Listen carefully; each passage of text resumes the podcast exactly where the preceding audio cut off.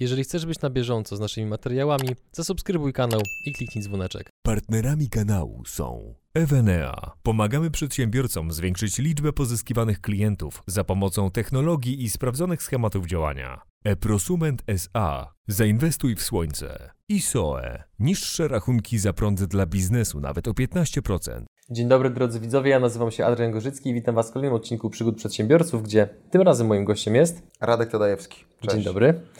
Nim zaczniemy, to pozwól, że przytoczę kilka liczb opisujących Twoją dotychczasową działalność biznesową. A Ty sprawdzaj, czy mówię prawdę. Dobra. W biznesie jesteś 19 lat. Tak, zgadza się. Przedsięwzięcia biznesowe, w które jesteś zaangażowany w 2019 roku wygenerowały niecałe 300 milionów złotych, Tak, zgadza się. a w 2020 powinno być bliżej 400 milionów. No trzymajmy za to kciuki. I po, to pomimo pandemii jeszcze. Pandemia nam pomogła w większości biznesów, tak. To o to na pewno dopytam. E, w, w, spółkach, w które jesteś zaangażowany, zatrudniacie około kilkuset pracowników Tak, bez... i obsłużyliście dotychczas kilkaset tysięcy klientów. tak, wliczając osoby fizyczne, które kupowały produkty oferowane przez nasze spółki, to tak. To cytując klasyka, wycinając łacinę, Radek, kim ty jesteś? Wiesz co, jestem tu, bo jestem przedsiębiorcą. Takim nietypowym trochę, e, bo przedsiębiorcą, który inwestuje. To znaczy, ogromna większość firm, e, w których jestem wspólnikiem, to firmy, w które zainwestowałem, a nie te, które założyłem. Czyli krótko mówiąc, uznałem swoją, mając 23 lata, uznałem swoją niższość wobec wielu ludzi, których znam. e, I zamiast e, sądzić, że jestem najlepszy na świecie i sam zrobię wszystko najlepiej, staram się poznawać mnóstwo ludzi i trafiać na takich, którzy są lepsi niż ja w tym, co robią e, i proponować im swoją osobę i swoje pieniądze, co w, poprzez fuzję kompetencji tego mojego nowego wspólnika i moich e, da nam obu szansę na to, że to urośnie dużo szybciej niż, niż gdyby on to robił sam. A W ile firm dotychczas zainwestowałeś? W ilu jesteś udziałowcem? O, wiesz co, nigdy tego nie policzyłem, ale na pewno więcej niż 100 e, firm łącznie przewinęło się przez nasze, przez moje fundusze. Dużo. E, dużo, tak, dużo. Przy czym to jest jakby, możemy sobie tutaj pozwolić na e, momenty, e, szerokie momenty szczerości, na co się umawialiśmy. Większość tych firm e, nie osiąga rezultatów, na, na które liczyliśmy. Znaczy, taka jest prawda też o, w ogóle o byciu przedsiębiorcą. Pewnie wielu poznałeś tutaj w tym, w tym miejscu takich, którzy też to mówili, że wiele marzeń umiera dosyć szybko. To żeby zachować pewną chronologię i odpowiedzieć na pytanie, które prawdopodobnie pojawiło się w głowach niektórych osób. Dobra, odcinek się ciekawie zapowiada, gość inwestuje w firmy, coś nowego, coś innego na kanale. Skąd miałeś pieniądze, żeby inwestować w firmy? E, w Polsce przyjmuje się, że wiadomo skąd, co nie? Jak ktoś ma pieniądze, to wiadomo, że skąd się miały. To musi być jakaś dziwna sytuacja. E, prawda jest taka, że kiedy zakładałem swoją pierwszą firmę w 2003 roku, to e, spędziłem sporo czasu namawiając różnych ludzi, żeby uwierzyli w mój pomysł i dali mi pieniądze, czy zainwestowali pieniądze, ale bez pomocy mojego taty by się nie udało. To znaczy on... E, Myślę sobie, on mi tego nigdy nie powiedział, że obiecał swoim kolegom, że, y, że położył swoją głowę na stole i ci koledzy zgodzili się zainwestować, więc początek był taki, że na pewno wsparcie rodziny, bo to nie tylko chodziło o tatę, tylko wsparcie rodziny. Em, rodziny, że bo jasność wcale nie bogatej. To nie jest tak, że, że wiecie, że mój tata miał y, taki budynek jak ten, w którym jesteśmy. E, Na początku to nie były, to nie były duże pieniądze, ale wystarczające do tego, żeby, żeby odpalić. E, I jestem dumny z tego, że po roku działalności wszyscy, którzy te pieniądze w tą firmę zainwestowali, e, dostali zwrot, e, zarobili na tym. I, i stąd były, stąd, stąd moje początki. Później, kiedy kończyłem przygodę ze swoją pierwszą firmą po roku, A co robiłeś w ogóle? Co to była za firma? Wiesz, to były takie czasy, kiedy we Wrocławiu e, wszyscy uważali wtedy, to był 2003 rok, ja miałem 23 lata, e, więc teraz mam 40, łatwo policzyć, jak dawno temu to było. E, Wtedy we Wrocławiu legendą były firmy windykacyjne, to znaczy rodził się taki biznes, powstała jedna firma Maćka Kaczmarskiego, e, która osiągnęła e, niebywałe rezultaty i wtedy połowa Wrocławia, a szczególnie prawnicy, bo ja studiowałem prawo wtedy, uważali, że kurczę, ta windykacja to jest przyszłość i wtedy każdy zakładał firmę windykacyjną. I ja też taką firmę windykacyjną założyłem, tylko nietypową, skupiliśmy się na jakimś tam jednym obszarze rynku. I po tej przygodzie, a tata i jego koledzy myślę, że byli zadowoleni. E, Ja sam się bardzo dużo nauczyłem i wychodząc stamtąd e, uważałem, że naprawdę już dużo wiem. Dzisiaj wiem, że bardzo mało wiedziałem. Em, I e, co ciekawe, ta firma, słuchajcie, była notowana na giełdzie później przez, przez wiele lat. To znaczy ten biznes, on miał sens od początku, on się udał. Em, A ja wtedy zrozumiałem, że zakładanie firmy od początku samodzielnie i uczenie się na, za własne pieniądze i pieniądze bliskich ludzi to nie jest najlepszy model, że dużo lepiej jest y, być człowiekiem, który znajduje ludzi, którzy wpadli na taki pomysł jak ja, ale potrzebowali kogoś, dzisiaj mówi się na to mentor, kogoś już bardziej doświadczonego, kogoś dysponującego kapitałem i wtedy mając 23 lata zrozumiałem, że ja chcę zajmować się inwestycjami. E, I zacząłem się uczyć nowych słów, czyli co to jest due diligence, mhm. venture capital e, i tak Co to znaczy, te dwa, te dwa wyrażenia, dla tych, którzy nie wiedzą? Due diligence to jest coś, co mi się zdarzyło właśnie na początku drogi, czyli przychodzi inwestor i mówi, słuchaj, my robimy due, a ja mówię, słuchaj, ale nie wiem, co to jest. Ja się nigdy nie bałem zadawać pytań, więc mhm. e, nigdy nie uważałem, że zadawanie pytań e, sprawia, że, że wypadasz e, w oczach rozmówcy mm, jako ktoś, kto, kto jest niemądry. Um, więc due diligence to jest audyt, czyli inwestor przychodząc do Twojej firmy mhm. um, musi ją poznać. To znaczy on słucha Ciebie i dobry inwestor skupia się na Tobie jako przedsiębiorcy, szczególnie kiedy firma jest jeszcze nieduża, to, to ta osoba przedsiębiorcy jest najważniejsza, ale w tle jednak on musi sprawdzić, czy to, co Ty opowiadasz, ma odzwierciedlenie w faktach, to znaczy on ogląda Twoje księgi rachunkowe, Twoje umowy i to jest due diligence, to jest taki mhm. proces. A venture capital, no venture no capital to jest coś, z czym e, związałem swoje życie, to jest... E, Venture capital to jest inwestowanie z, z, akceptacją zwiększonego ryzyka, czyli krótko mówiąc, fundusze venture capital to są fundusze, które trafiają raczej do firm e, niedużych, to nie znaczy, że młodych. Często w Polsce jest to mylone. Venture capital to mhm. nie znaczy, że to, to, to, nie tylko firmy młode, inwestycje w firmy młode, nie tylko inwestycje w startupy, to często inwestycje w firmy, które mają już za sobą historię 5, 10, 15 czy 20 lat ale firmy, którym z różnych powodów nie udało się przeskoczyć jakiegoś poziomu rozwoju. Mhm. E, I kapitał, e, który ja reprezentuję, i fundusz, e, który za mną stoi, mm, to instytucja, która znajduje przedsiębiorców, w których z jednej strony widzi mocne strony, my na to mówimy takie jasne punkty, ale z drugiej strony skupia się bardzo na tym, żeby zrozumieć, co Cię zatrzymało, albo co może Cię zatrzymać, gdzie są Twoje słabe strony i na mhm. zrozumieniu e, tego, jak my możemy Ci pomóc. I jeżeli następuje fuzja tych dwóch rzeczy, to znaczy z jednej strony wiesz, widzimy, że masz potencjał, e, i w Waszym przypadku widzimy, że wiesz, na tym kanale ludzi e, u Was przyrasta i tych subskrypcji rośnie dużo, widzimy, że to idzie w dobrą stronę, ale z drugiej strony doszukujemy się miejsc, o których Ty może jeszcze nie wiesz, że są Twoimi mocnymi punktami, albo Twoich słabości i zastanawiamy mhm. się nad tym, czy ja sam i moi koledzy z funduszu możemy pomóc Ci mhm. sprawić, że to wszystko zacznie rosnąć szybciej. To, to, właśnie zanim trochę więcej porozmawiamy o Venture Capital, bo mam sporo pytań w tym temacie, to powiedz, no bo wiek 23 lat to jest dużo, niedużo, żeby wchodzić w biznes. Z mojej perspektywy to jest bardzo dobry moment z szeregu różnych e, powodów, ale Czego nauczył Cię biznes, ten biznes w tym czasie? Co zrozumiałeś? Oprócz tego właśnie, że chcesz iść troszeczkę innym kierunku, jeżeli chodzi o model biznesowy. Zadajesz mi trudne pytanie y, i to nie jest jakaś kurtuazja, tylko ja od lat występuję na różnych konferencjach, najczęściej bardzo branżowych, czyli wiesz, mhm. mówię o rynku inwestycji w Europie na jednej konferencji, na drugiej o nowych technologiach. E, rzadko trafiam w miejsca, w których na takie otwarte pytania dotyczące mojego życia muszę odpowiadać.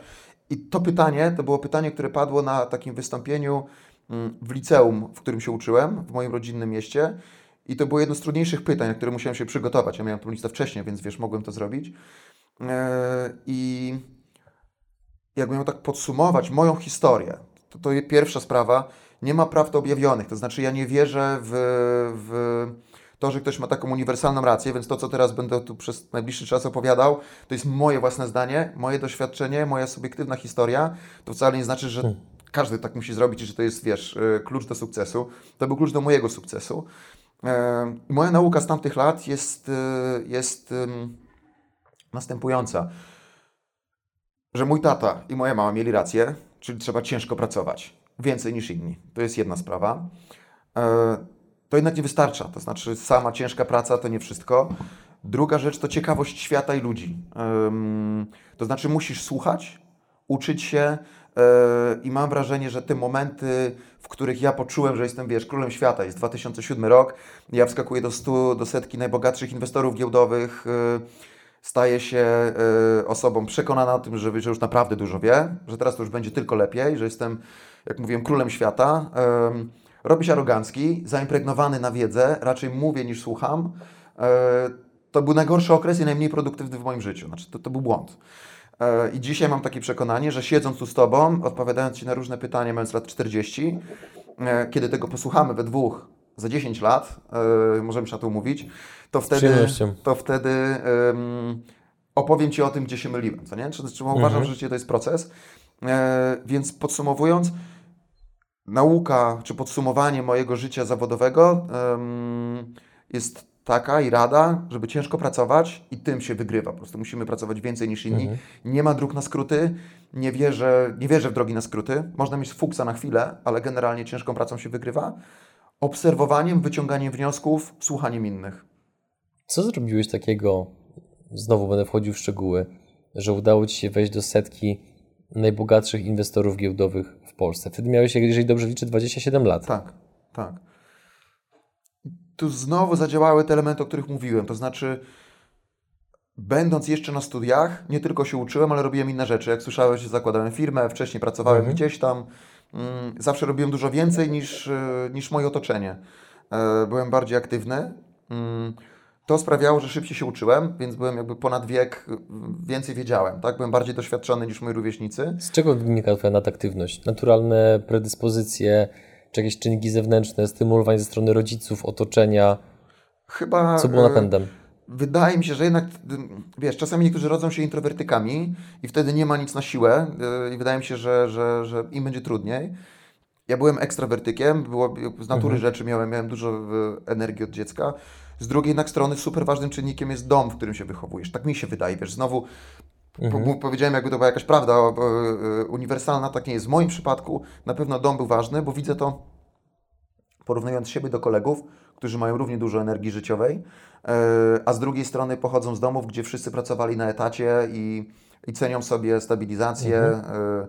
E, umowy na czas nieokreślony i takie rzeczy. Im było trudniej zrozumieć, co to znaczy być, być, być przedsiębiorcą. Więc te czynniki środowiskowe moim zdaniem mhm. są bardzo, bardzo ważne. Gdybym wyrastał w domu, dorastał w domu, gdzie nie byłoby wartości ceniących ciężką pracę, gdzie nie byłoby przedsiębiorców, to, to pewnie e, nie siedzielibyśmy mhm. tutaj dzisiaj. Okej. Okay. I to kontynuując to poprzednie pytanie, co doprowadziło, że byłeś w tej setce najbogatszych inwestorów giełdowych? I, I, jakby, jeżeli możesz powiedzieć, jakim majątkiem wtedy dysponowałeś? Wiesz co, bardzo to skrócę, yy, bo to długa historia, mhm. yy, ale... Yy, kończąc studia już miałem e, drugą swoją firmę w życiu. To była kancelaria prawna, już taka niewindykacyjna, która wiesz, zajmowała się odzyskiwaniem pieniędzy. E, I jeśli chodzi, o, e, jeśli chodzi o to, co było dalej, to druga firma, która skupiła się już na inwestycjach. To znaczy, ja sobie wymyśliłem, że będę prawnikiem od inwestycji kończyłem studia w Polsce, załapałem się na studia na Cambridge e, po to, żeby nauczyć się języka, tego prawniczego, żeby wiesz, to fajnie wyglądało, bo to wiesz, jak to brzmi, co nie Cambridge, co nie? Jeszcze w tamtych czasach. Na Polaków to działało i pewnie działa nadal. Teraz pewnie mniej, ale wtedy, w tym mhm. 2003 roku, jeszcze nie byliśmy w Unii Europejskiej, to było naprawdę, to było naprawdę fajne. E, i postanowiłem, że zajmę się inwestycjami. Wiesz, i to było tak, że ja sobie to postanowiłem, a nie miałem żadnych powodów właściwie, czy podstaw nie miałem, ale ja całe życie wierzę, że Najpierw musisz sobie postanowić, a dzięki temu na, nabierzesz kompetencji e, mhm. w danej dziedzinie. Więc ja e, tak jak sobie postanowiłem, tak zrobiłem, czyli z jednej strony e, zatrudniłem się najpierw w firmie, która szła na giełdę, w takim, takiej e-commerce'owej. Ona wtedy przedstawiała się jako pierwsza e-commerce'owa firma idąca na giełdę, na GPW, to było Travel Planet. Jako osoba, która miała tam pomagać przy IPO. Bardzo dużo tam się nauczy, nauczyłem. IPO, czyli przy debiucie giełdowym. Mhm. E, bardzo dużo się nauczyłem. Poznałem branżę, która składała się tam z trzech osób na krzyż, mniej więcej wtedy w Polsce. E, I uczyłem się ciągle i ciągle i ciągle. E, to były też czasy, gdzie nie było takich kanałów e, jak Twój, więc e, nie tak łatwo było, wiesz, sięgnąć po wiedzę in, innych ludzi. Mhm. Kupowałeś książki wtedy i to nie po polsku, bo ich nie było tylko po angielsku. Ale koniec końców ten proces zakończył się sukcesem, czyli ja znałem szereg mądrych słów po angielsku. E, wiedziałem, jak wygląda IPO, e, bo sam je przeżyłem. Poznałem właściwych ludzi i kiedy zakładałem kancelarię, na której stronie napisałem, e, a to były czasy, gdzie kancelarie niekoniecznie miały strony internetowe, to żebyś, wiesz, sobie to zwizualizował. Ciężko mi to sobie wyobrazić, ja ale wiem, wiesz, że tak kiedyś było. Ja wiem, było tak, było tak. E, I tęsknię za tymi czasami, bo jak miałeś stronę, to miałeś przewagę konkurencyjną, wiesz, i wygrywałeś już. Teraz musisz mieć kanał na YouTubie po prostu. Dokładnie, tak. I w tę stronę wszyscy zmierzają i, e, i trzymam kciuki, żeby, żeby ten proces postępował. Em, I jak chodzi o, wiesz, o, o, o tą historię, zakładam kancelarię, mówię, że zajmuję się fuzjami, przejęciami e, i debiutami giełdowymi.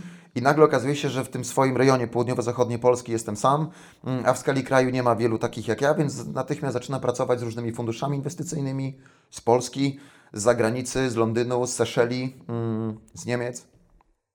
Moje przychody rosną, zarabiam coraz więcej, więcej i więcej, aż trafia do mnie grupka młodych chłopaków w moim wieku, naówczas, którym, którzy mówią, to był maj 2006 roku chyba, którzy mówią, ej słuchaj, zakładamy dom maklerski, pomóż nam zdobyć licencję.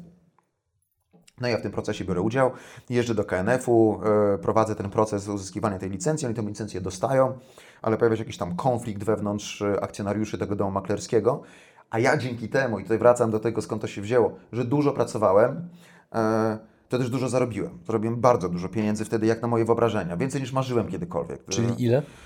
Czyli zarabiałem 100 tysięcy złotych miesięcznie, mając tam 20, wiesz, 5, 6 lat. To, czy, dla mnie wtedy, to ja nie pochodzę z takiego domu, gdzie takie pieniądze w ogóle funkcjonowały. To było Em, dużo i dzisiaj też jest dużo. Wtedy było tym bardziej dużo. To dla mnie, dla mnie to było, wiesz, to było poza wyobrażeniem, naprawdę. I te pieniądze, mając te pieniądze, mogłem pozwolić sobie na rozwiązanie konfliktu między akcjonariuszami, nie jako prawnik, tylko jako inwestor. Ja kupiłem po prostu kawałek tego domu maklerskiego. E, przy bardzo dobrej wycenie, e, przy wycenie właściwie tam po, po nominalnej niemalże, a później e, włączając się w pracę tegoż, tegoż domu maklerskiego, włączając się aktywnie w budowanie sprzedaży, w tworzenie rynku New Connect, który wtedy powstawał e, z Ludwikiem Sobolewskim i Emilem Stępniem, em, ówczesnym prezesem giełdy i osobą, która odpowiadała za stworzenie rynku New Connect. E, Do dziś na YouTube funkcjonuje gdzieś filmik, na którym taki strasznie złej jakości, gdzie Zyta Gilowska i Sobolewski wręczają mi statuetkę, wiesz, pierwszego autoryzowanego doradcy. Ale koniec końców e, ciężką pracą doszedłem do takiego momentu, gdzie po pierwsze mogłem wykorzystać okazję zainwestować w ten dom maklerski, a później znowu ciężką pracą, ale też słuchaniem i uczeniem się, jak słyszałeś, doszedłem do punktu, w którym ten dom maklerski zaczął bardzo szybko się rozwijać. E, I jakiś rok po tym, jak ja zainwestowałem, on zadebiutował sam na giełdzie przy wycenie pół miliarda złotych. No ja byłem bardzo istotnym akcjonariuszem, więc mm, w tych rankingach wyskakiwałem tam z, z liczbą taką naprawdę istotną, bo tam powyżej 100 milionów złotych. E, I żeby było jeszcze ciekawiej, rok później większość tej kwoty straciłem. To znaczy poczułem się, i mówiłem Ci o tym okresie, wiesz, tej arogancji, takiej buty. To było z tym powiązane. Tak, że wiesz, no masz, słuchaj, masz 27 lat, znaczy ja się trochę rozgrzeszam, ale masz 27 lat i własną pracą doszedłeś do takiego momentu, gdzie czujesz się królem świata, że nawet nie wiedziałeś, że takie pieniądze można mieć na rachunku. Jak widzisz sobie codziennie, wiesz, budzisz się rano. Co ciekawe, nie poszedłem w taką stronę, że, to, że te pieniądze wydawałem. Nie miałem takiej cechy, żeby, żeby, nie wiesz, kupować sobie tam samochody, helikoptery i domy. Ja uważałem, że jestem tak dobry, że to zainwestuję. No i tak to świetnie zainwestowałem, że rok później miałem jakieś 20% z tego i skończyłem na kwocie jakichś tam parunastu milionów złotych, które mi zostały.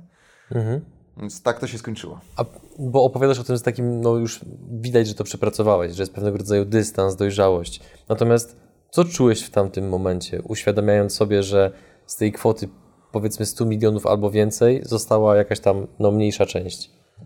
Wiesz co, rozpacz, tak, przez, przez chwilę, tak, i potężny stres, no bo, bo masz już jakieś plany na życie i coś, coś, coś o sobie myślisz, bo tam kwestia stanu rachunku to jedno, ale wiesz, wyobrażenia mm, e, ym, o sobie samym spadają ci w dół. No wyobraź sobie, że masz poczucie, że jesteś, nie wiem, super karateką e, i nagle idziesz na zawody i, i jakiś trzynastolatek daje ci w trąbę i ty wiesz, leżysz, leżysz i zemdlałeś, tak? E, trochę ci przykro jest wtedy, bo, bo pracowałeś na to 10 lat i coś o sobie myślisz, a nagle to, to pęka. Więc to pogodzenie się z tym, że jednak nie jesteś taki super mądry mm, i taki super wyjątkowy, to to chyba było e, najtrudniejsze, ale z, ja też mam taką naturę, że e, takie mam poczucie, e, wsparte zresztą słowami jednego z najsłynniejszych e, inwestorów amerykańskich, których, których osobiście znam, gościa, który ma teraz 80 chyba 7 lat, nazywa się Howard Morgan, jest niesamowitą osobą. Zresztą wszyscy inwestorzy z Nowego Jorku, tacy koło 80 są niezwykli. E, To jest osobny odcinek, osobna, osobna opowieść o nich, E, ale on, e, mm, on powiedział, nigdy nie oceniaj swojego życia tu i teraz, bo ocenić je możesz dopiero jak będziesz odchodził z tego świata. Ja, ja to hmm. sam na to wpadłem kiedyś, to znaczy nie martwiłem się tym jakoś strasznie, że wiesz, nie, żyję do dzisiaj z poczuciem, że przegrałem życie, tylko myślałem sobie, że to jest wielka lekcja, e, wielka nauka. Ja muszę z niej wyciągnąć wnioski i iść, e, wiesz, iść do przodu i nie minęło jakoś strasznie dużo czasu, kiedy wróciłem do tych kwot. Mhm. Swoją znowu ciężką pracą, tak? Mhm. Tak ciężką pracą, że zdarzało mi się, wiesz, zemdleć na parkingu koło samochodu. Jak wychodziłem tam o 5 rano po, po, po kolejnej dobie pracy. Mhm. Czy, te, czy te wnioski, które się pojawiły po tej sytuacji, to było właśnie między innymi powrót do tych korzeni, o których mówiłeś, czyli ciężka praca, słuchanie innych, ciągła nauka, czy coś jeszcze było? Oj, to był proces. Tym słuchaniem innych, to wiesz, to jak, to mówiłem o tym, że ten moment, kiedy byłem najmniej produktywny i naj, najgorzej mi szło, to właśnie był wtedy, kiedy się zamknąłem, wiesz, na, na, na innych. Mm, na, na uczenie się y, świata dookoła mnie, że czułem, że ja powinienem doradzać, że taka jest moja rola, że skoro mam kapitał i mi się udało, to jestem lepszy od gości, w których firmy inwestują. A, a po czasie mogę powiedzieć, że y, y, teraz szukam, tak jak na wstępie mówiłem, ludzi, o których sądzę, że oni są lepsi ode mnie mhm. w wielu rzeczach, mądrzejsi, bystrzejsi, lepsi w, nie wiem, w sprzedaży, w, w, czy w czymkolwiek innym, czym się zajmują. Mm, I, I ten okres był taki trochę okresem e, takiego dryfu bocznego i chwilę mi zajęło e, wrócenie czy powrót do. E, zawsze ciężko pracowałem, więc tego nigdy nie porzuciłem, ale powrót do taką drogę, że byłem ciekaw ludzi, ciekaw świata mhm. i do dziś tą drogą podążam i do dziś mam poczucie, że najfajniejszą rzeczą w mojej pracy która właściwie z tego się składa. Czyli gdybyś mnie spytał, wiesz, co ja robię zawodowo, to ja się spotykam z ludźmi. Wiesz, ja nie piszę maili, wbrew pozorom nie czytam Exceli jakoś strasznie. E, to robią mądrzejsi ode mnie ludzie wokół mnie, skupieni w mhm. funduszu, e, którego przedstawiciele już tu wcześniej bywali, bo nas poznał, poznał jeden z nich, Karol Między innymi Karol Sadaj. Pozdrawiamy i dziękujemy za tak, tak ciekawą rekomendację gościa naszego ja programu, Karol. Karol. E, więc e, ci mądrzejsi ode mnie ludzie e, dookoła mnie zajmują się tym, czym ja nie jestem tak dobry jak oni, a ja się zajmuję poznawaniem ludzi. To jest esencja mojego, wiesz, mojego życia. I jakbyś ich nie lubił, albo byłbyś dla nich niemiły, to by ci to nie szło.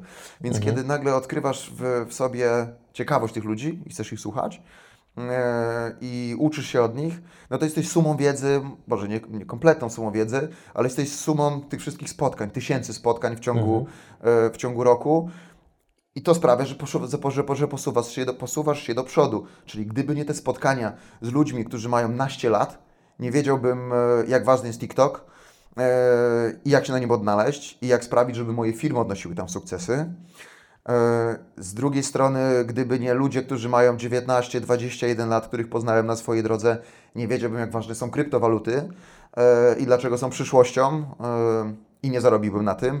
Więc krótko mówiąc, poznawanie ludzi innych ode mnie, z innych środowisk, mhm. w innym wieku, jest czymś, co mi bardzo, bardzo dużo daje. I wydaje mi się, że to jest też super ważny element mojego życia i tego jest jeden ze składników sukcesu. Mhm. Co to znaczy w Twoim przypadku ciężka praca? No bo na razie mamy takie powiedzmy dwa wyraziste punkty, gdzie z jednej strony Twoja praca polega na spotkaniach, ok, do tego też za chwilę przejdziemy, jak prowadzić w ogóle spotkania takie, żeby one pozwalały budować relacje biznesowe, a nie żeby tylko były powiedzmy odpękaniem czasu przy kawie. A drugi element, że zdarzyło Ci się stracić przytomność przy samochodzie na parkingu, więc no wejdźmy troszeczkę w kulisy. Jak wygląda ciężka praca w Twoim wydaniu? Ona ma kilka warstw. E, są godziny aktywności ludzi, e, w których ja, tak jak i oni, e, jestem, czy muszę być aktywny i wtedy się spotykam, czyli to powiedzmy mhm. tam między godziną 7.30, mm, a wieczorem jesteś w stanie się z ludźmi umawiać i spotykać. Ale przed tymi godzinami i po tych godzinach e, robisz te rzeczy, które musisz zrobić, a nie chcesz marnować tego, wiesz, czasu, kiedy, kiedy wszyscy żyją, możesz do nich zadzwonić. Z drugiej strony, mówimy tu ciągle o pracy, ale jednym z niezwykle ważnych elementów mojego życia, która jest całością, znaczy ciężko odwiesz, odseparować pracę od życia, od życia prywatnego, są moje dzieci, których mam czwórkę. Mam żonę, która jest chyba, e, odpowiada za przynajmniej 50% mojego sukcesu z różnych powodów, ale mówiąc oględnie, dlatego, że jest taka, jaka jest i daje mi też przestrzeń na to, żebym ja, e, ja pracował, a często udziela mi, e, udziela mi rad, na które ja sam bym nie wpadł. Ona zauważa rzeczy, których ja nie widzę. Więc y, moje życie to też ta, ta, ta praca z dziećmi, czy obecność z dziećmi, więc jak sobie wyobrazisz, że wstajesz o 5.30, jesteś jakiś czas z tymi dziećmi, bo to dla Ciebie jest super ważne. Wiesz, u mnie na przykład kierowca żaden nie odwozi moich dzieci, ja zawsze sam to staram się robić. E, I jak tylko mogę, to choćbym super zmęczony, to zawsze to robię. Staram się je odbierać.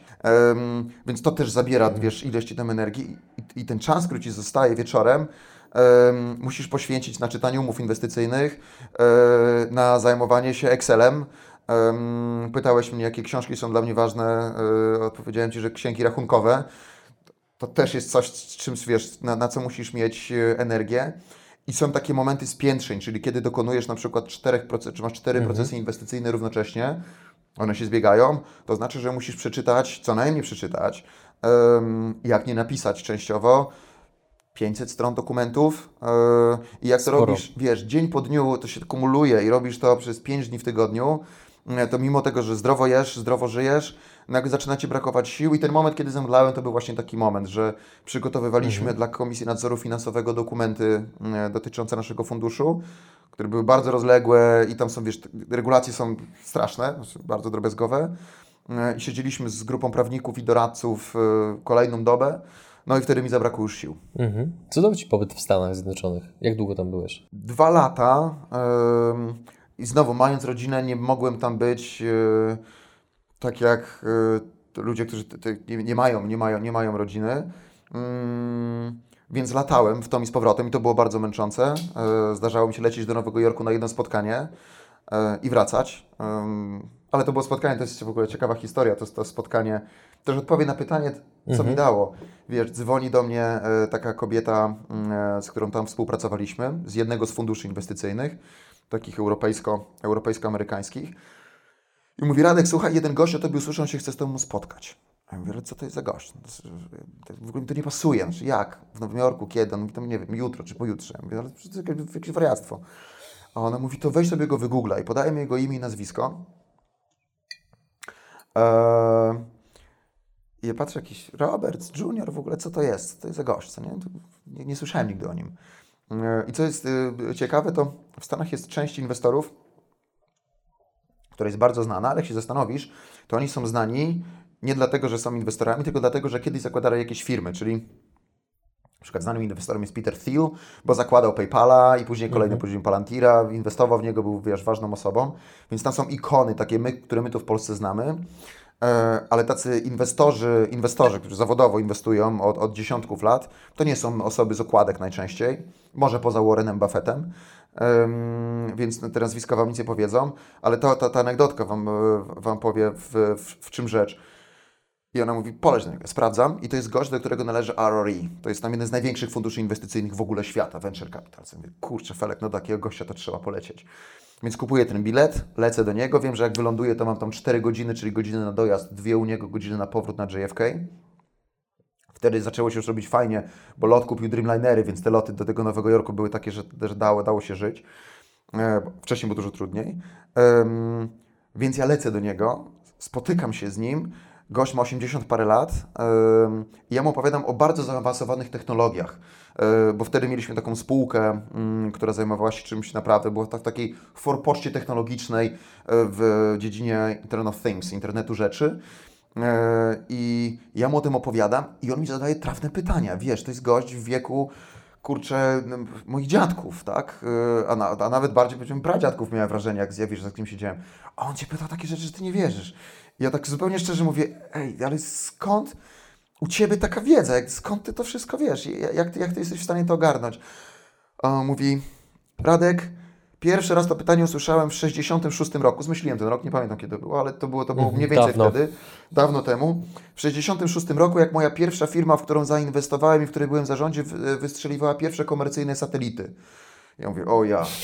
I to mi dały Stany Zjednoczone. Obcowanie z takimi ludźmi, e, poznawanie ich, e, spotkanie z mm, e, Robertem Rothschildem, czyli Nestorem, wiesz, rodziny Rothschildów. Znane nazwisko. Zdane nazwisko, pełno teorii spiskowych, z którym, wiesz, który ze mną się umawia w, ka w kafejce Nespresso, co prawda w najlepszej części Nowego Jorku, ale w kafejce. I ja przychodzę do niego i byłem, naprawdę byłem spięty. Się rzadko spinam po tych wszystkich spotkaniach, jak, jak słyszałeś, dużo jest Masz już obycie. Tak, nie, nie, nie, nie przejmuję się za na to, ale z nim chyba każdy by się spiął, kurczę.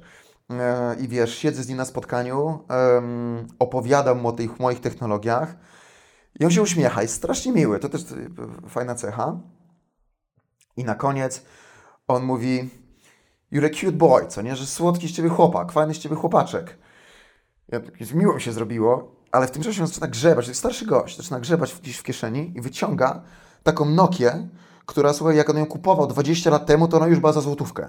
E, I mówi, słuchaj, ale ja nic nie rozumiem, co do mnie powiedziałeś. Ty się musisz spotkać z Natanielem, to jest mój bratanek, on jest dużo młodszy. Później się okazało, że Nataniel ma tam 70 lat. E, Też znana postać. Tak, i, i musisz z nim porozmawiać. Ja mówię, ale jak Ci mogę pomóc? Bo jesteś cute boy, ja ci, chcę Ci pomóc, plus polecił Cię Howard, to co mogę dla Ciebie zrobić? Ja mówię, wiesz, bo mi zależy, żeby do tych banków się dostać, bo ta technologia w tych bankach to ma sens. On mówi, no i do mnie z tym przychodzisz, słuchaj. A dlaczego ty do nich listu nie napiszesz? A ja mówię, oj, witki mi opadły, bo on mnie, wiesz, po, po, zmierzył swoją miarą. Ehm, mhm. I ja mówię, słuchaj, jak ja bym się nazywał tak jak ty, to okej, okay, to, to może mieć sens. Ale ja nazywam się Radek, Ma, Radosław, Marian Tadajewski. Jak ja wyślę list do kogokolwiek, to, to w ogóle nie zadziała, uwierz mi. Ehm, I takich spotkań długo mógł, mógłbym o nich opowiadać, ale e, tak jak studia za granicą kiedyś, otworzyły mi głowę i ja już nie czułem się po prostu mieszkańcem Polski, um, tylko czułem się obywatelem Europy najpierw, to tak po Stanach Zjednoczonych, Zjednoczonych poczułem się obywatelem świata.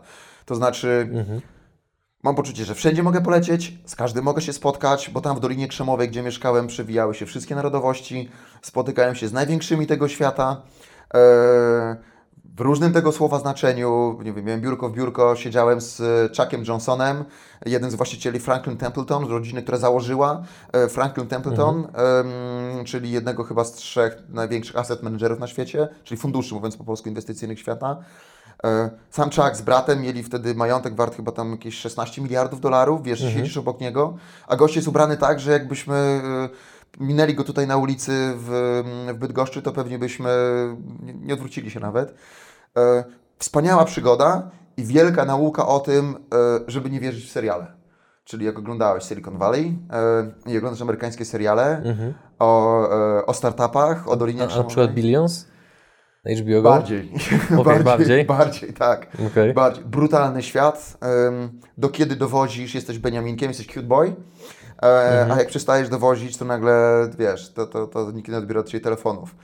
Ale, ale tak na koniec dnia, taka jest też trochę prawda o świecie, co nie? To znaczy, na tym polega biznes. Mhm. Albo jesteś dobry yy, i wtedy otwierają się przed Tobą drzwi, albo, albo nie i... I wtedy co, prosisz o jałmużnę? Wiesz, to jest zaprzeczenie biznesu. Wydaje mi się, że na to pytanie, które teraz Ci zadam, to już można częściowo odpowiedzieć na bazie minionych minut i wszystkich rzeczy, które powiedziałeś, ale mm, nie do końca wiem, jak to pytanie sformułować, żeby ono nie zabrzmiało potencjalnie negatywnie bądź obraźliwie, więc wybacz mi, jeżeli tak to odbierzesz. Dawaj. Co z Twojej perspektywy Ty zrobiłeś takiego, że ikony świata finansów, jak na przykład Rothschildowie, byli w stanie się z Tobą spotkać?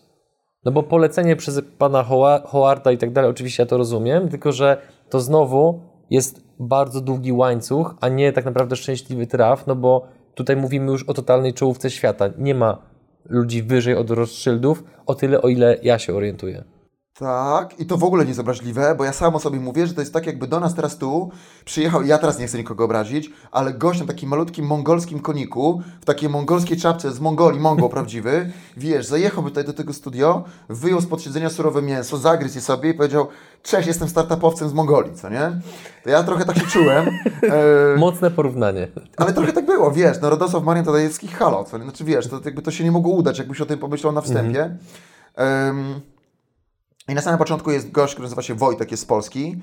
Um, i, e, I znowu, to jest to spotykanie się. Czyli na początku jest, jest ta praca, czyli to, że, że znasz bardzo dużo ludzi. E, pewnego dnia wpadłem na pomysł pewnej technologii. Ja sam w sobie mówiłem na początku, że ja raczej nie zakładam firm. Dlatego powiedziałem raczej, bo są wyjątki. I to była taka firma, którą sam założyłem. Zgromadziłem w niej najlepszych znanych mi ludzi i zaczęliśmy pracować nad pewną technologią, jak e, jej zręby były gotowe, to y, przygotowaliśmy mm, deka, który, uwaga... Co to jest dek? Dek to jest taka prezentacja dla inwestorów, mhm. który powinien mieć 5, 10 slajdów, a ja zrobiłem go na 73 slajdy. Tak, żebyście wiedzieli, jak inwestor, tak jak ja Wam na konferencji mówi, że wiecie, dek powinien mieć 10 slajdów i tak dalej, no to słuchajcie mnie, ja zrobiłem deka w parę lat temu, e, ładnych parę lat temu, ale jednak miał 73 slajdy, czyli e, rozumiem tych, którzy te prezentacje w swoich firmach robią takie duże, sam to czułem. A to był błąd, czy celowe złamanie schematu? Nie, to był, to był, e, to był błąd e, w komunikacji. To znaczy, ja powinienem zrobić na 10 e, slajdów tego deka, a reszta powinien być appendix, który dosyłam później, jak ktoś, jak ktoś wgłębi się w technologię. I też specyfika trochę, to znaczy, że jak, jak masz spółkę, która dotyka jakiejś technologii i ktoś już złapie to, że ona jest fajna, czyli sprzedasz mu to, że ona jest fajna, to jednak on później powinien móc to zweryfikować i potem była ta dalsza część. Mhm. Em, ale to był błąd. I wiesz, i rozesłałem to do iluś ludzi. I jeden z moich kolegów mówi, ty słuchaj, to ja mam takiego gościa, e, który pochodzi z Polski i on jest e, general managerem e, funduszu z Doliny Krzemowej, em, prywatnego funduszu Chucka Johnsona e, i ja do niego to wyślę. Czy mogę? Ja mówię, Jasne, wysyłaj. On to wysłał, a ten gość mówi, e, ten general manager mówi, ty słuchaj, ja wracam z Indii właśnie, z naszych inwestycji w Indiach i lecę przez Polskę, bo w ogóle pochodzę do Polszczyzny i tam mam rodzinę i ja będę na chwilę we Wrocławiu i, i tam, nie wiem, 48 godzin później widziałem się z gościem e, we Wrocławiu, więc e, niektórzy powiedzą szczęście, a inni powiedzą, Bądź że danie szansy przypadkowi. tak, a inni powiedzą, na przykład ja raczej powiem, gdyby nie to, że przez całe Mhm. życie moja praca polegała na tym, że słuchałem ludzi, spotykałem się z nimi i też oni wiedzieli, że jestem pracowity i raczej mam jak trochę oleju w głowie, to odpowiadasz, jak do nich pisałem, to oni sądzili, że jak ja napisałem, to sądzi- zakładam, że raczej sądzili, że warto na to rzucić okiem. Bo raczej wiedzieli, że jestem pracującym gościem, ciężko pracującym, który dowozi rzeczy, które obieca. Więc to jest jakby suma tych wszystkich doświadczeń sprawiła, że ten gość, ten Wojtek w ogóle to przeczytał, że przesłał to komuś, uznając, że to ma sens. I tak się to gdzieś tam potoczyło. Tak był pierwszy punkt. Drugi był taki, że w związku z tym, że znowu lubię ludzi i dużo z nimi komunikuję, to miałem Twittera, na którym miałem bardzo dużo ludzi do dzisiaj mam, którzy mnie śledzą ze świata technologii, głównie z zagranicy, głównie ze Stanów, z Doliny Krzemowej, ale też z Wielkiej Brytanii, z Niemiec. Więc jak tam zacząłem pisać, czym się zajmuję, to stamtąd zgłosił się drugi inwestor z funduszu polsko-amerykańskiego, e, wróć, e, europejsko-amerykańskiego, tam nie było Polaków, a właściwie żydowsko-amerykańskiego. I mm, dzięki tym pierwszym kontaktom ja zacząłem się tam pojawiać. A dzięki temu, że em, sam projekt był ciekawy, dzięki temu, że udawało mi się o nim fajnie opowiedzieć, chociaż robiłem grube błędy na początku, o czym z, z, zaraz Ci jeszcze powiem, też jest ciekawa historyjka dla wszystkich, którzy Mhm. tego słuchali i kiedyś polecieli do Stanów. Mm, przez połączenie e, jakości projektu, jakości opowieści o nim, którą ciągle poprawiałem. A jak ją poprawiałem?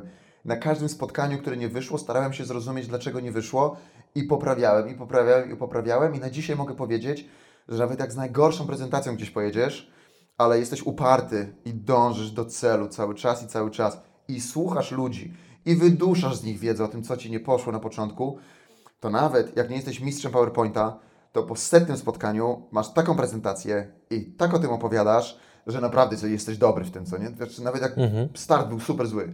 E, I to robiłem, po prostu łaziłem tam po tej dolinie i łaziłem, i łaziłem, i łaziłem, aż w końcu miałem takiej jakości opowieść i takiej jakości produkt, że zadziałało coś, co w Polsce nazywa się układem, w złym tego słowa znaczeniu, a tam to jest w najlepszym, w najlepszym tego słowa znaczeniu używane, czyli pojawiały się pierwsze osoby, które uznały, że warto na mnie postawić. I jak pojawiły się pierwsze osoby, to one zaczynają Cię polecać następnym. Uruchomiło się domino pewnie. I później to leci. I tak jak początek jest taki, że ci leci krew z nosa przysłowiowa i jest, i jest najgorzej, jest strasznie ciężko i masz łzy w oczach, jak wracasz do domu, bo około 14 w jetlagu masz ochotę usnąć na spotkaniu, a musisz być, a to jest siódme twoje spotkanie, a musisz być pełen energii, a w nocy z kolei w ogóle nie możesz spać i wiesz, grasz na Xboxie z jakimś gościem z Indii, bo on też nie może spać. Eee, jest, jest słabo. Em, tak ten upór doprowadza cię w końcu. I to jest jedna, z rzeczy, o których nie powiedziałem. Pracowitość i upór. Mhm. I drzesz do przodu. I teraz, jakie błędy robiłem, to jest tam ciekawe. Taki wam powiem błąd, taki, który a propos wiesz, Właśnie to już miałem pytać, proszę. obraźliwości, czy czegoś, co wiesz. Ja to sa- sam opowiadam, żeby wyciągnąć ludzie wnioski. Przyjeżdżam na pierwsze takie grube spotkanie z takim potężnym inwestorem amerykańskim na e, zachodnim wybrzeżu, czyli Kalifornia, Dolina Krzemowa. Przyjeżdżam tam i co robię odruchowo, wiesz, no co, nie wiem, co ty byś zrobił, ale ja ubieram swój najlepszy garnitur, perfumuję się po, porządnymi perfumami, w ogóle myję się, wiesz, czeszę, przychodzę taki ubrany, ten ciemny garnitur, biała koszula, no wszystko się zgadza. Znaczy, mo- Full service. Wiesz, no top, co nie? W moim, w moim odczuciu. No i przyjeżdżam, wchodzę, a tam siedzi dwóch gości. Jeden w koszuli w kratę, drugi w koszuli w kratę. I ja, za, ja wchodzę i już widzę, że się nie zgadza. Czasem to czuję, że jest chemia albo nie. Wiesz, wchodzisz i widzisz, że się nie zgadza. Siedzisz tam i czujesz, że to spotkanie chcą raczej skończyć. No, masz poczucie, że to nie mega nie idzie. Ja wychodzę stamtąd. Przegrałem życie, co nie? Taki gość, wiesz, to jest, to jest Ch- Chuck Johnson właśnie. Siedzę u tego Chucka, mówię, ja cię nie mogę, przegrałem. Em, co później słyszę od y, tam przyjaznego mi y, człowieka, który jest, z jednej strony jest przyjazny, ale przyjazność to jest też coś, co napisałem e, takiemu startupowcowi y, polskiemu, wrocławskiemu, ostatnio się strasznie obraził, że bycie przyjaznym nie oznacza, że ciągle się uśmiechasz. Bycie przyjaznym czasami oznacza, że powiesz komuś brutalną prawdę. Że czasem Czyli poświęcasz mu uwagę w ogóle. tak, że się zastanawiasz i mówisz mu prawdę, która jest brutalna, po to, żeby on wyjął wnioski. To w Polsce tego nie potrafimy. W Polsce, jak wiesz, komuś mówisz trudne rzeczy, to on myśli, że go nie lubisz i, i chce ci dać, wiesz, przysłowiową papę za to czasami, jak przesadzisz, wiesz, z tą brutalnością, ze szczerością. A tam ta szczerość jest w cenie. I to jest w ogóle super, też fajna nauka. Mm, że prawdziwym przyjaciołom mówi się o rzeczach trudnych. I on, e, i w biznesie też to się robi. I on mi to mówi, wiesz co, to spotkanie merytorycznie poszło dobrze, ale musisz wiedzieć dwie rzeczy. Po pierwsze, my się tutaj myjemy, a nie perfumujemy i nam z obu mdliło przez całe to spotkanie. Boże. Po drugie, my się tak nie ubieramy.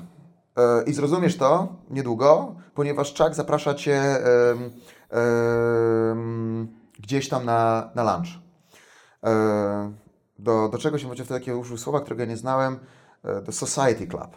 Nie wiedziałem, co to właściwie jest.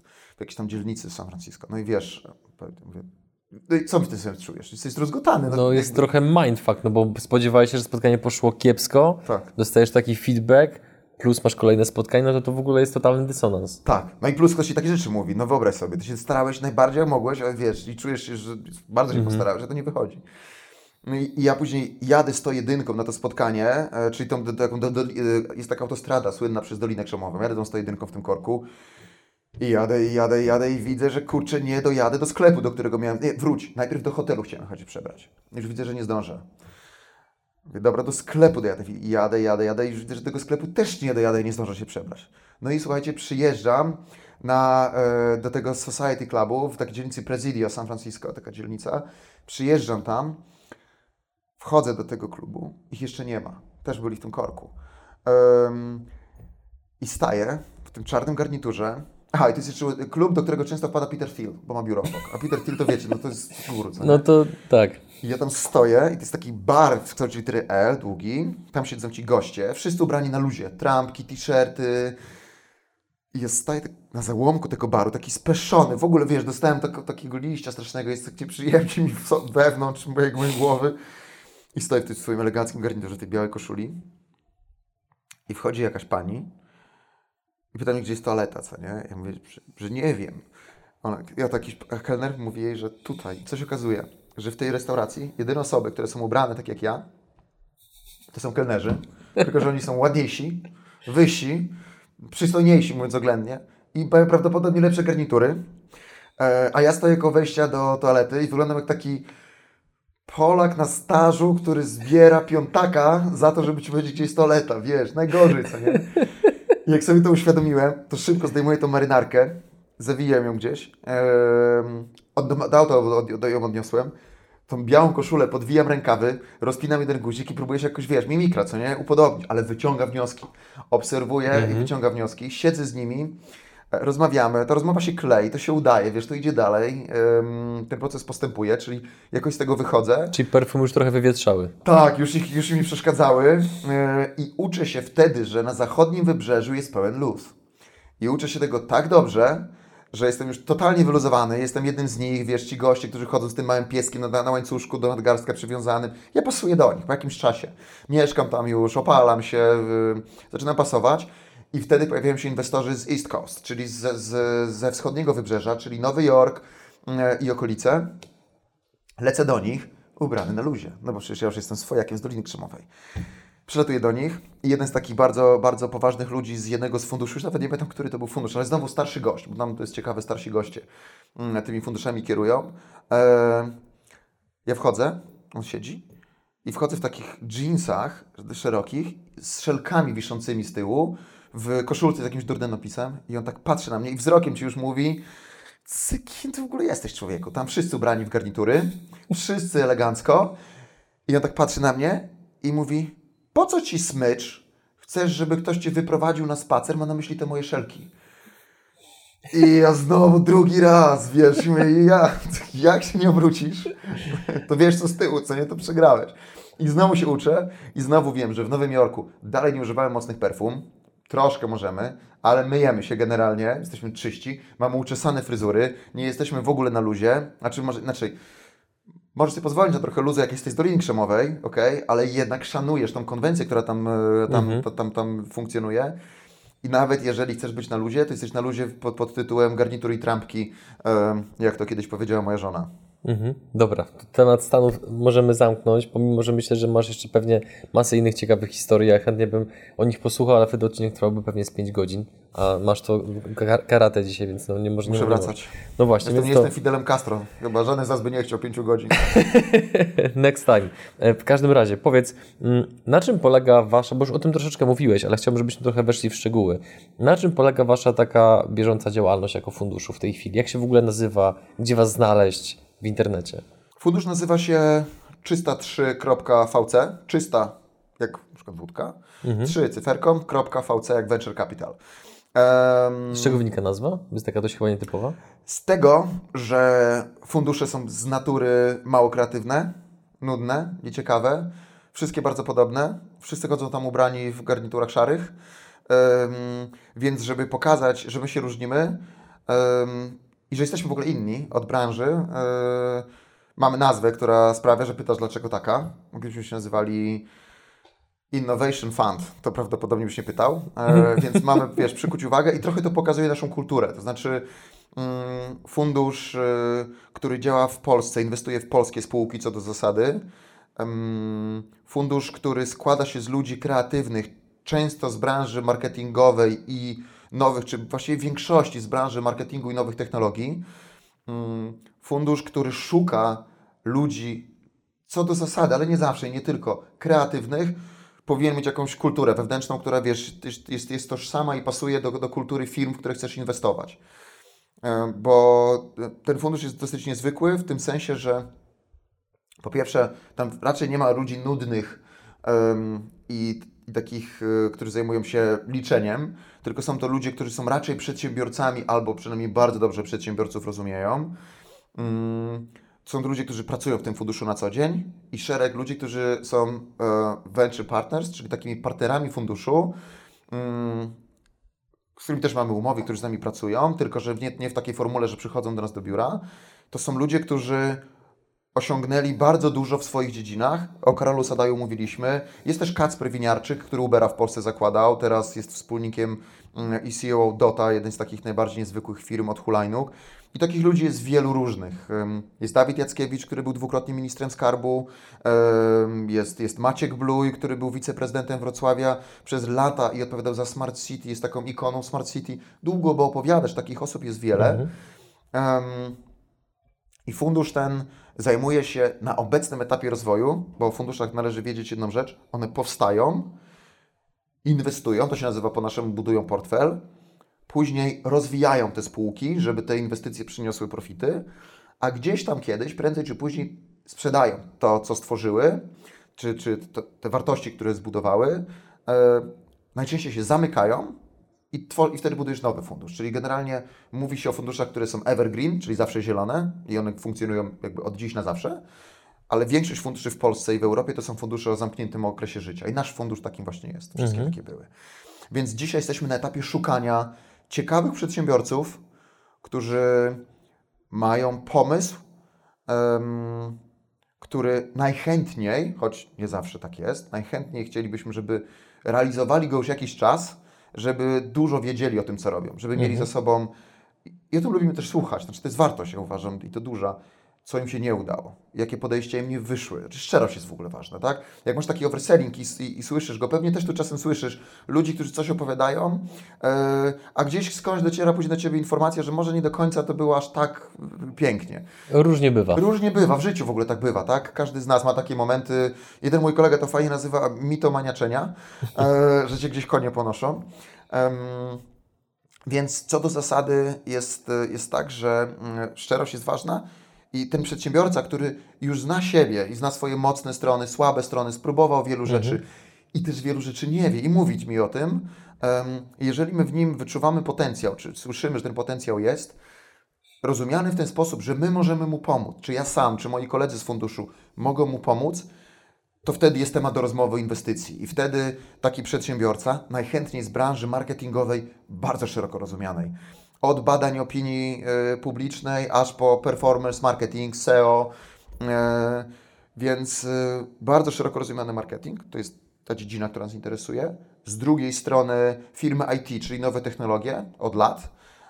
To są te dwie dziedziny, w które inwestujemy, więc jeżeli ktoś działa w tych branżach i spełnia te cechy, o których mówiłem na początku, i szukałby kogoś, kto pomoże mu sprawić, że albo przełamie jakąś barierę, której nie może przekroczyć, która jest strasznie popularna na przykład w software house'ach, firmach, które mhm. świadczą tego typu usługi, że tam dorastasz do 50 programistów na pokładzie, a dalej nie możesz. E, sam nie możesz, nie, nie potrafisz, próbujesz, ale nie przebijasz się. E, a my możemy w tym pomóc i, i, mhm. i to nam się udaje. E, albo czujesz, że masz ogromny potencjał, trafiłeś na jakąś niszę, ale wiesz, że przez brak środków, doświadczenia życiowego, czasami biznesowego, nie złapiesz tej okazji, znaczy nie wiesz, nie uda Ci tego chwycić, to robisz strasznie prosty rachunek. Ja do niego każdego namawiam. Jeśli będę robił to sam i miał 100% w swojej firmie, to za rok możesz to różnie liczyć. Zarobię 100 tysięcy, za 2 lata 500, za 3 lata milion, chyba że pojawi się konkurencja i mnie zmiecie. E, albo za rok moja firma będzie warta 2 miliony, później 5, później 10. I wtedy policz sobie i rozmawiaj o tym z inwestorem, co będzie, jak on się pojawi. To może za rok zarobisz milion, za 2 e, lata 10, a Twoja firma nie tylko, że będzie, to by się zdawało, że coś jest warta, tylko przez to, że wejdzie inwestor, którego rolą jest sprawienie, że ta firma nie tylko wzrośnie na wartości, ale też, że później ją sprzedasz, jeżeli chcesz, ale wcale nie musisz. Um, to ten inwestor sprawia, że to się po prostu Tobie opłaca. I moja praca polega na tym, żeby obu stronom opłacało się ze sobą współpracować. Czyli odrębnie ja czegoś po prostu w ogóle nie zrobię, a ten ktoś nie zrobi tyle, ile zrobi mhm. ze mną to biorąc pod uwagę Twoje doświadczenie, co byś powiedział osobom, firmom, które być może już są w tej chwili w procesie pozyskiwania inwestora, mm, rozmawiają być może z innymi funduszami niż Wy, na co uważać, żeby się nie sparzyć, żeby nie wybrać niewłaściwego inwestora? Bo na pewno również w Waszej branży zdarza się coś takiego, co można nazwać syrenim głosem, że w, pierwszej, w pierwszym odruchu wydaje się, że to jest super, fantastyczne, atrakcyjne, ciekawe, a potem się nagle okazuje, że być może pewne zapisy w umowie są tak szkodliwe i nieprzyjazne dla tego przedsiębiorcy, że koniec końców potem zdarzają się takie sytuacje, o których pewnie słyszałeś, że branża, branża e, venture capital w Polsce nie do końca zawsze ma dobre opinie. Że słyszy się często, że te fundusze jednak no, nie do końca, powiedzmy, bardzo etycznie podchodzą do przedsiębiorców. To zacznę od końca, bo to są dwie historie, takie mhm. króciutkie. Jedna króciutka, króciutka do opowiedzenia, a druga to odpowiedź wprost na pytanie. W Polsce może jakoś teraz dotknę, ale nie bardzo w ogóle jest branża venture capital. Znaczy ona nie zdążyła się wytworzyć, nie wytworzyć, bo branża venture capital, tak co do zasady, powinna polegać na tym, że ja potrafię znajdować ciekawe firmy, w które inwestuję, pieniądze inwestorów w taki sposób, że oni zarabiają na tych inwestycjach, które ja dokonam, więcej niż zarobiliby na lokatach bankowych, obligacjach czy na, na dużej mhm. giełdzie. Alternatywnych formach. Tak to powinno wyglądać, tak? Czyli ja powinienem być w stanie realizować inwestycje o wysokiej stopie zwrotu, żeby przekonać swoich potencjalnych i obecnych inwestorów do tego, żeby dawali mi pieniądze. I tak to działa na większości świata, ale w Europie panuje socjalizm. Eee, socjalizm polegający na tym, że Unia Europejska zalała ten rynek pieniędzmi i wcale dzisiaj w cenie nie są e, ludzie tacy jak ja, którzy inwestują po to, żeby mieć stopę zwrotu wysoką, tylko ludzie, którzy potrafią napisać wniosek do jakiejś agendy Unii Europejskiej, żeby dała im pełno pieniędzy, które oni mówią, że inwestują. Odpowiadam już na wprost na Twoje pytanie, jakie są wady, błędy, problemy. Najczęściej nie kończy się na jednej rundzie z inwestorem. To znaczy, jak wpuszczasz pierwszego, powinien być drugi. Więc jak wpuszczasz tego pierwszego, to pomyśl od razu, czy umowa inwestycyjna nie zablokuje Ci możliwości wpuszczenia drugiego. I druga rada, nie myśl o tym sam, chyba że naprawdę masz doświadczenie, tylko niech po, pomyśl o tym z prawnikiem. I to nie prawnikiem, którego znasz, który jest Twoim kuzynem, kolegą, kumplem z ławy szkolnej. Szwagrem. Szwagrem, tylko pomyśl o tym z prawnikiem, który zna się na inwestycjach. Mm, bo ten pierwszy bardziej Ci może pomóc niż, niż, niż przeszkodzić, niż pomóc. I teraz wracając do, do przedsiębiorcy, jak szukasz tylko kasy i naprawdę wiesz na co, czujesz się mocny i silny, to jest, to jest rzadszy przypadek, weź od tych pseudofunduszy pieniądze, sprawdź, czy umowa jest w porządku, rób co do Ciebie należy i na nic nie licz. Ale wracamy do venture capital. Na czym polega venture capital? Jeżeli ja całą swoją historią i swoim życiem i doświadczeniem i ludzie wokół mnie zgromadzeni, którzy są naprawdę niezwykłymi ludźmi, e, chcemy mieć zwrot ze swojego kawałka Twojej firmy, powiedzmy, to automatycznie, jak się chwilę zastanowisz, my chcemy sprawić, żebyś Ty miał taki sam zwrot ze swojego kawałka. To znaczy, my wsiadamy do jednej łódki i my jesteśmy tu nie po to, żeby dać Ci pieniądze. To jest jeden z elementów y, naszej, naszej kooperacji. My Ci zrobimy ten przelew. Ale my jesteśmy tu po to, żeby zarobić dużo pieniędzy. I to jest coś, powiedziałem, skrytykowałem trochę tak zwaną branżę venture capital, bo zależy na tym, żeby ludzie to rozróżniali. I jak widzisz gości, którzy nigdy w nic nie inwestowali, zadaj parę pytań. W co inwestowaliście, jakie macie z tego zwroty, co robiliście wcześniej w życiu, znajdź, znajdź ich na LinkedInie i zobacz, kim są. To szybko będziesz wiedział, co to za ludzie. Jeżeli szukasz prawdziwych ludzi od venture capital, to z, to, to z nimi rozmawiaj o tym, jak wspólnie zbudować ten biznes, na tym się skup, pytaj ich, jak mogą Ci pomóc, e, bo jeżeli dobrze trafisz, to, mm, to dzięki kooperacji, która nie tylko polega na przelewie, ale na tym, że masz nowych wspólników, bo do tego to się sprowadza. Ja jestem potencjalnym nowym wspólnikiem. Jeżeli jest Was dwóch, to ja jestem trzeci. I razem pracujemy ze sobą, wcześniej umawiając się, co dokładnie mamy zrobić. Na co ja liczę, jeżeli chodzi o Was, na co Ty liczysz, jak chodzi o mnie. Mhm. E, I co więcej, w naszym przypadku robimy to tak, że się na to umawiamy raczej po dżentelmeńsku, czyli kiedyś miałem umowy, które miały 100 stron i opisywały wszystkie rzeczy, które mogą się wydarzyć. Moja umowa teraz ma 9 stron, umowa inwestycyjna. Zakładam, że albo to robimy razem, chcemy to robić razem i nam to się udaje, albo później przez, albo się spotykamy na ostatnie kończące to wino, piwo albo hamburgera, tą kooperację w, rozmowę, rozchodzimy się, bogaci o doświadczenia i nikt do siebie nie ma pretensji, ani żadnych mechanizmów z umowy, które sprawiają, że się, wiesz, ścigasz. To jest taki pewien zakład, że razem nam się uda podbić świat, Mhm. I wtedy to wychodzi najlepiej, jeżeli tak to jest robione bez przymusu. I ostatni element tej opowieści, po krytyce tak zwanych funduszy, startupy. Znaczy powstała cała taka, taki przemysł, który jest dokładnie odbiciem tych tak zwanych funduszy, które rozdają pieniądze. To są tak zwane, znaczy to są startupy, czyli ludzie, których nie powinieneś tu jakoś strasznie zapraszać, bo oni się nie czują przedsiębiorcami. To znaczy, mój tata uczył mnie, że założenie firmy polega na tym, że zakładasz ją po to, żeby zarabiać pieniądze.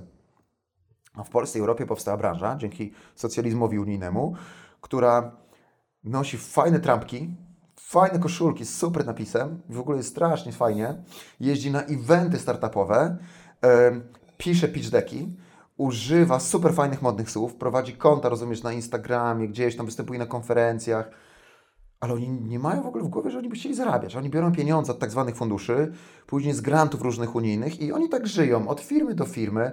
Jedna firma to tam 3 do 5 lat życia, trochę pieniędzy od inwestorów, trochę z grantów. Generalnie jest nieźle, wiesz. Ja nie mówię, że to jest w ogóle zły styl życia. Znaczy, niech sobie żyją. Tylko, że oni nie są przedsiębiorcami, więc przychodzenie ich do mnie nie ma sensu. A dużo takich mam. Czyli takich startupowców my raczej nie, jakby nie chcemy jakoś strasznie z nimi się zderzać, bo y, oni nie czują się powołani do tego, żeby zrealizować biznes, tak jak pewnie Ty go rozumiesz i ja go rozumiem, i tak jak masz w nagłówku czy w tytule swojego, swojego programu i kanału. Mm, my jesteśmy przedsiębiorcami, szukamy przedsiębiorców. Po prostu dajecie im możliwość współpracy z innymi funduszami. Tak, ja to wprost tutaj mówię, że jak jesteś startuperem w super trampach, ale nie masz, yy, wiesz, i chcesz sobie fajnie pożyć, to jest dla Ciebie i to jest dobra wiadomość, to jest kawał rynku, wiesz, na którym można się fajnie odnaleźć i co więcej, ja nie mówię, że to jest złe. Naprawdę uważam, że to jest dobre. Nie wiem, co się należy. Oni byli źli, napadli na nas, tak? Francuzi nam nie pomogli, Brytyjczycy też. To jest fair. Róbcie to. Tylko ja raczej zawężam swoją komunikację do ludzi, mhm. którzy chcieliby, mając dzisiaj firmę, która zarabia 500 tysięcy złotych, Po pięciu latach jej istnienia, czy 10, czy 15, jeżeli szukają kogoś, kto chce, z kim chcą wspólnie, jako wspólnicy, zbudować coś, co będzie zarabiało za rok 2 miliony, 5 milionów i będzie rosło, a pewnego dnia będą mogli to sprzedać, wcale nie będą musieli, to też jest ważne, bo my nie oczekujemy, że będą musieli, będą mogli, to, to, to my jesteśmy dla nich. To jest moment, w którym ogłaszamy konkurs. Więc pierwsza część konkursu, jakie jest pytanie konkursowe? Radku, powiedz. Pytanie konkursowe jest nietypowe, bo dotyczy mojej e, pracy i dotyczy cynku. To jest takie pojęcie więzienne chyba trochę. Mianowicie Jest też taki pierwiastek. jest też taki, Taki pierwiastek, suchar. czyli bardziej politycznie będzie, że to jest pierwiastek. W każdym Tak. razie em, z mojej perspektywy byłoby bardzo interesujące dowiedzieć się, czy widzowie znają ciekawych przedsiębiorców, firmy i nie chodzi mi o ich firmy, nie chodzi mi o to, żeby to była Ale też mogą być. Mogą być oczywiście jak najbardziej, ale zależy mi na tym, żeby dostać cynk, namiar na jakiegoś fajnego przedsiębiorcę albo fajną firmę, fajną inicjatywę na dowolnym etapie rozwoju, czyli może to być coś zupełnie świeżego, może to być e, firma, która istnieje już na rynku w wiele lat, ale jednak nie taka, która ma więcej niż 10 milionów złotych przychodów, to jest nasza, nasza górna granica. E, I jeżeli ja dostanę namiary na takie firmy, ja i moi współpracownicy uznamy, że taka firma jest interesująca, e, to spośród osób, które taki cynk nam dały, wybierzemy jedną, która podrzuciła nam najciekawszy cynk, e, który czym się zakończy, czyli doszło do jakichś rozmów, a może inwestycji. I taka osoba dostanie od nas e, butelkę bardzo fajnego Dom Perignon z taką zieloną, podświetloną etykietą, pod spodem jest guziczek, jak się go zapala, to on świeci w nocy. Strasznie fajna rzecz na jakąś fajną okazję. To dla osób, które nie znają tego alkoholu, to jeszcze jakbyś mógł powiedzieć, jaka jest wartość takiej butelki. Dom Perignon to jest najlepszy szampan na świecie, e, a wartość tej butelki to jakieś 1200-1500 zł e, na półce sklepowej. W restauracji pewnie jest 4. No tak, no musi być marża, nie? Tak. Czyli bardzo atrakcyjna nagroda. E, Radku, ja Ci dziękuję za szalenie ciekawą rozmowę. E, Serce mi pęka, że nie możemy porozmawiać tych pięciu godzin, jak właśnie Fidel Castro, ale To kto byłoby wie, dziwne, to byłoby dziwne, byśmy mieli 5-godzinny odcinek. kto wie, może jeżeli ten odcinek wygeneruje dobre efekty dla Was, dla naszych widzów, no to być może jeszcze się spotkamy. Tym bardziej, że teraz trasa Wrocław-Bydgoszcz jest trochę bardziej przyjazna niż, niż, niż kilka lat temu. Tak, bez dwóch zdań. Ci, którzy tą drogę zbudowali i oni zdecydowali, to zbuduję im jakiś taki mały pomniczek i będę Kłaniamy się im. świeczkę stawiał. Super, 2 godziny 40 minut z Wrocławia do Bydgoszczy. Powtórz jeszcze raz, proszę, gdzie można tylko Was znaleźć i żegnamy się z widzami. Znaleźć nas można najchętniej na naszej stronie www.303.vc, Link w opisie filmu oczywiście. tak? We Wrocławiu i w Warszawie osobiście. Super. Jeszcze raz Ci, Radku, dziękuję za rozmowę. To ja dziękuję. E, drodzy widzowie, żegnamy się z Wami. Do zobaczenia w kolejnym odcinku. E, jeżeli chcielibyście jakkolwiek współpracować z nami, to piszcie na kontakt małpa przygody przedsiębiorców.pl, a tymczasem życzymy Wam same sukcesów i wszystkiego dobrego. Cześć.